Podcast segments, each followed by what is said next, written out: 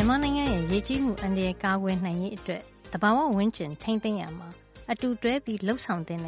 R ၃ခုတည်းကတတိယ R ဖြစ်တဲ့ reforestation လို့ခေါ်တဲ့တစ်တောတွေပြန်ပြီးရှင်သန်လာအောင်ဘယ်လိုလုပ်သင့်လဲဆိုတာကိုထိန်းသိမ်းရေးအင်ဂျင်နီယာဦးသိမ့်မော်ကပြောပြပေးမှာပါ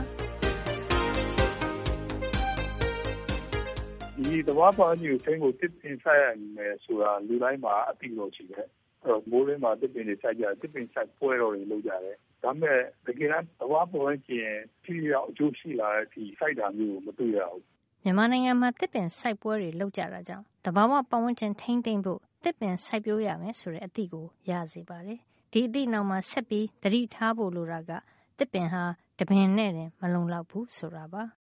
ဟိုတကယ်တမ်းကျတော့ရေကြီးကိုတိုက်ချမှုတွေကိုတစ်ပင်တစ်ပင်နဲ့ကနေပြီးတော့ ကာဝယ်မပေးနိုင်ဘူးဆိုတာဥပမာကျွန်တော်တို့တောင်ဆောင်တွေမှာဒီကမ်းတွေမှာအမြင့်တွေကြွနေတဲ့တစ်ပင်ကြီးတွေ့ဦးကြတာပေါ့နော်သူကအမြင့်တွေကကြွနေတာမဟုတ်ဘူးသူ့အောက်ကမြေကြီးတိုက်စားခံရလို့ဆိုတော့တစ်ပင်တစ်ပင်ကြီးကမြေတိုက်စားမှုတွေကိုဖြည်းဖြည်းအောင်ကွာဝယ်မပေးနိုင်ဘူးအဲသူကအရွက်တွေနဲ့အပေါ်ကကျလာတဲ့မိုးရေမြေကြီးကိုကျတဲ့အရှိန်ပေါ့နော်ဖိပြီးရုံပဲရှိတယ်နောက်ပြီးတော့ကျလာတဲ့မိုးရေသူကစုပ်ထားတဲ့အကျိုးဖြစ်မှုတော့ရှိတယ်။ဒီပင်ကြီးကမြေကြီးတိုက်စားမှုတွေကိုဖြည်းဖြည်းအောင်ကွာဝယ်မပေးနိုင်ဘူး တစ်တောဖြစ်လာမှသာလျှင်တစ်ပင်တွေအများကြီးဖြစ်လာမှသာလျှင်ရေကတစ်ပင်တွေကြားကနေဖြတ်စီနှေးသွားမယ်။နောက်ပြီးတစ်ပင်တွေအောက်မှာရှိတဲ့အရွက်ချောက်တွေတစ်ခိုင်းချောက်တွေရက်ပင်တွေဆိုတဲ့အပင်လေးတွေနဲ့ဒီအတားအဆီးဖြစ်လို့သာလျှင်သူကနှေးပြီးတော့မြေရောက်ရပုံပြီးတိုးလာတာပေါ့နော်။ဒီလိုအကျိုးရှိလာစေဖို့အဓိကရည်ရွယ်ပြီးတစ်ပင်စိုက်နေတဲ့သူတွေကဘာတဝမ်းမှာရှိပါတယ်။ကဘာတဝမ်းပါပေါ့နော်။ဒီတယောက်ချင်း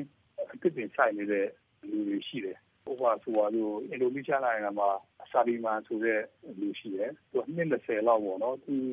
ဒီဂျာဗာကျွန်းအလယ်ပိုင်းကသူတို့ရွာပေးကတိတ်တော့ကမီးလောင်လို့ပြတ်သွားတယ်။နောက်ပြီးတော့လူဖြက်ပြီးလို့မလို့ပြတ်သွားတယ်။ဘာတွေ့လာလဲဆိုတော့သူတို့ရွာမှာရေများတော့ဘူးနော်။စမ်းရည်စမ်းရည်စမ်းကြောင်းတွေခန်းချောက်သွားတယ်။လဲဆိုင်ကနေလဲဆိုင်လို့မရတော့ဘူး။အဲ့တော့သူတို့ဘာလဲလုပ်လဲဆိုတော့လေးချင်းပွင့်တွေကိုရောင်းတယ်ရောင်းရောပဲဝင်လေရတာပေါ့နော် တော့သူကရတဲ့လေညင်းမင်းရောင်းရတဲ့တက်ဆံကိုသူကဘာလုပ်လဲဆိုတော့ညောင်ပင်ပြိုးပင်တွေဝယ်တယ်ပေါ့နော်ညောင်ပင်ပြိုးပင်ကတော်တော်ဈေးကြီးတယ်ခုခေတ်ဆိုရင်တပင်9ဒေါ်လာလောက်ရှိတယ်အဲ့တော့သူကရတဲ့တက်ဆံနဲ့ညောင်ပြိုးတွေကြီးအဲ့တစ်ဒေါ်လာမှာတက်ပင်လို့တော့ဆိုင်တယ်အဲ့တော့ညောင်ပင်ဆိုတာ သုံးမတည့်ဘူးပေါ့နော်လူတွေအတွက်တိကလည်းသုံးလို့မရအရွက်ကလည်းသုံးလို့မရအတီးကလည်းသုံးလို့မရဘူးပေါ့နော်အဲ့တော့အသုံးမကျတဲ့အပင်ကိုစိုက်နေတဲ့ဆိုပြီးသူ့ကိုလူတွေကအယူလို့ခေါ်တာဒါပေမဲ့နှစ်20လောက်ကြာတဲ့အချိန်မှာခုနဆန်းတွေပြန်ထွက်လာတယ်ရေတွေပြန်ရလာတယ်သူတို့တရားလုံးရတယ်ရေကိုပိုးပိုးပြီးသုံးရတယ်ဘယ်တွေပါပြန်ဆိုင်လာတယ်ပေါ့ဒါဘာကြောင့်ဖြစ်လာလဲလို့ရှိတဲ့အချိန်မှာသူဆိုင်လာတဲ့သူတွေရောက်ရေပြန်ထွက်လာတယ်အင်ဒိုနီးရှားမှာသူကအခုတော့ဟီးရိုးဖြစ်သွားပြီပေါ့အင်ဒိုနီးရှားက ဂျန်တော်တက်တော်တောမီလောင်လို့ပျက်စီးခဲ့ရတဲ့နောက်အဲ့ဒီကဒါလီရွာမှာအငတ်ဘေးဆိုက်ခဲ့တာကို စာရီမန်ကညောင်မင်းပေါင်း11000နဲ့ဧကပေါင်း250မှာစိုက်ပြီးဖြည့်ရှင်းခဲ့တာဖြစ်ပါတယ်။သူလိုလူတွေတခြားနိုင်ငံတွေမှာလည်းရှိနေပါသေးတယ်။ဆိုတော့သူလိုလူတွေတရုတ်ပြည်တို့တခြားအာဖရိကမှာတို့အိန္ဒိယမှာတို့ရှိတယ်။သူတို့တွေအပင်တွေဘယ်လောက်ထိစိုက်ကြလဲလို့ကြည့်ရတဲ့ချိန်မှာ အနည်းဆုံးလူကအပင်တစ်သောင်းတစ်ထောင်စိုက်တယ်။ကျယ်ဝန်းကဧက100လောက်ပေါ့နော်။ဧက100လောက်အတွင်းမှာအပင်တစ်သောင်းလောက်စိုက်မှတကယ်အကျိုးဖြစ်တာကိုတွေ့ရမှာနော်။အဲ့တော့ကျွန်တော်တို့ကလည်းတပင်တပင်စိုက်နေတာတဲ့အနည်းဆုံးတောင်းကနန်းတော့စိုက်မှာဖြစ်တယ်။တရုတ်ပြည်တို့အိန္ဒိယတို့မှာအပင်တားနဲ့ချီပြီးစိုက်နေတယ်။ပါကစ္စတန်မှာဆိုအပင်ဘီလီယံနဲ့ချီပြီးစိုက်တယ်။ဘီလီယံထရီဆူနာမီဆိုပြီးတော့ခရစ်ကက်သမားတွေပြီးတော့နိုင်ငံကောင်းဆောင်ဖြစ်လာတယ်။အမေရိကန်ဥပဒေလုပ်တယ်မြန်မာနိုင်ငံမှာလည်းတဘာဝဝင်းကျင်ပညာရှင်တယောက်ကြောင့် စိန်လန်းဆိုပြေခဲ့ရတဲ့တာတကရှိပါတယ်။ပိုးပါတောင်ဆိုကျွန်တော်ငယ်ငယ်တုန်းကပူပြင်းတဲ့ဒေသမှာနေတဲ့အတွက်လူဆိုရင်ကျွန်တော်တို့ပိုးပါကိုသွားပြီးတော့ရောဝဲစားခက်ကြတယ်။ပိုးပါတောင်မှာချမ်းချောင်းလေးတွေပြီးမှစားကြတော့ကြပြီးမှပြန်လာကြတယ်။ကျွန်တော်တို့ဆယ်ကျော်သက်ဖြစ်တဲ့အချိန်မှာပိုးပါတောင်ရေမထွက်တော့ဘူး။ဆိုတော့တောင်ပေါ်မှာတစ်ပင်လေးမရှိတော့ဘူး။မပြောတော့တွေပဲရှိတော့တယ်။ဒါပေမဲ့တစ်တော့ကဥဝုံးကအဲရောက်သွားတဲ့အချိန်မှာသူကပိုးပါတောင်မှာ တစ်ပင်ကိုပြန်ဆိုင်တယ်။ပြန်ဆိုင်တော့ကျွန်တော်လူလာပိုင်းဖြစ်တဲ့အချိန်မှာပုပ္ပါရေပြန်ထွက်လေ။ဒီနေ့ဒီလေပုပ္ပါပတ်ဝန်းကျင်ကစိတ်လန်းနေတာကိုတွေ့ရတယ်။ကြောက်ကြောက်လိုမျိုးမှလည်းပုပ္ပါရေရဲ့ဒီရတာတုံးရပြီပေါ့။ဆိုတော့တစ်ပင်ကတပင်တပင်ဆိုင်တာပဲအဲ့လိုပေါ့နော်။ကျေကျန်းကျန်းနဲ့မြန်မြန်ဆိုင်နေမှာပဲကဘာပတ်ဝန်းကျင်နဲ့အကျိုးရှိနေဒါတော့မှနှစ်20လောက်ကြာမှတကယ်အကျိုးရှိလာတယ်ပေါ့နော်။ဆိုတော့ကျွန်တော်တို့ဒီမှာလည်းတကယ်ပတ်ဝန်းကျင်အကျိုးဖြစ်ဖို့ဆိုရင်အပင်တောင်းတော့အနည်းဆုံးဆိုင်မှဖြစ်မယ်လို့ ဖြစ်နိုင်ရင်ပင်သိမ့်တဲ့တန်းနဲ့ချီပြီးစိုက်ဖို့လိုလို့တော့တစ်ပင်စိုက်တာကိုလည်းပြည်သူတွေရောအစိုးရရောအင်တိုင်းအားလိုက်လုံနိုင်မှဖြစ်မယ်ဖြစ်နိုင်သမျှခုနနီးသုံးလားလုံးကိုပေါင်းပြီးမှထိထိအောင်လုံးမှတကယ်ပတ်ဝန်းသဘာဝပတ်ဝန်းကျင်ကပြန်ပြီးကောင်းလာနိုင်ပထမဆုံးကတော့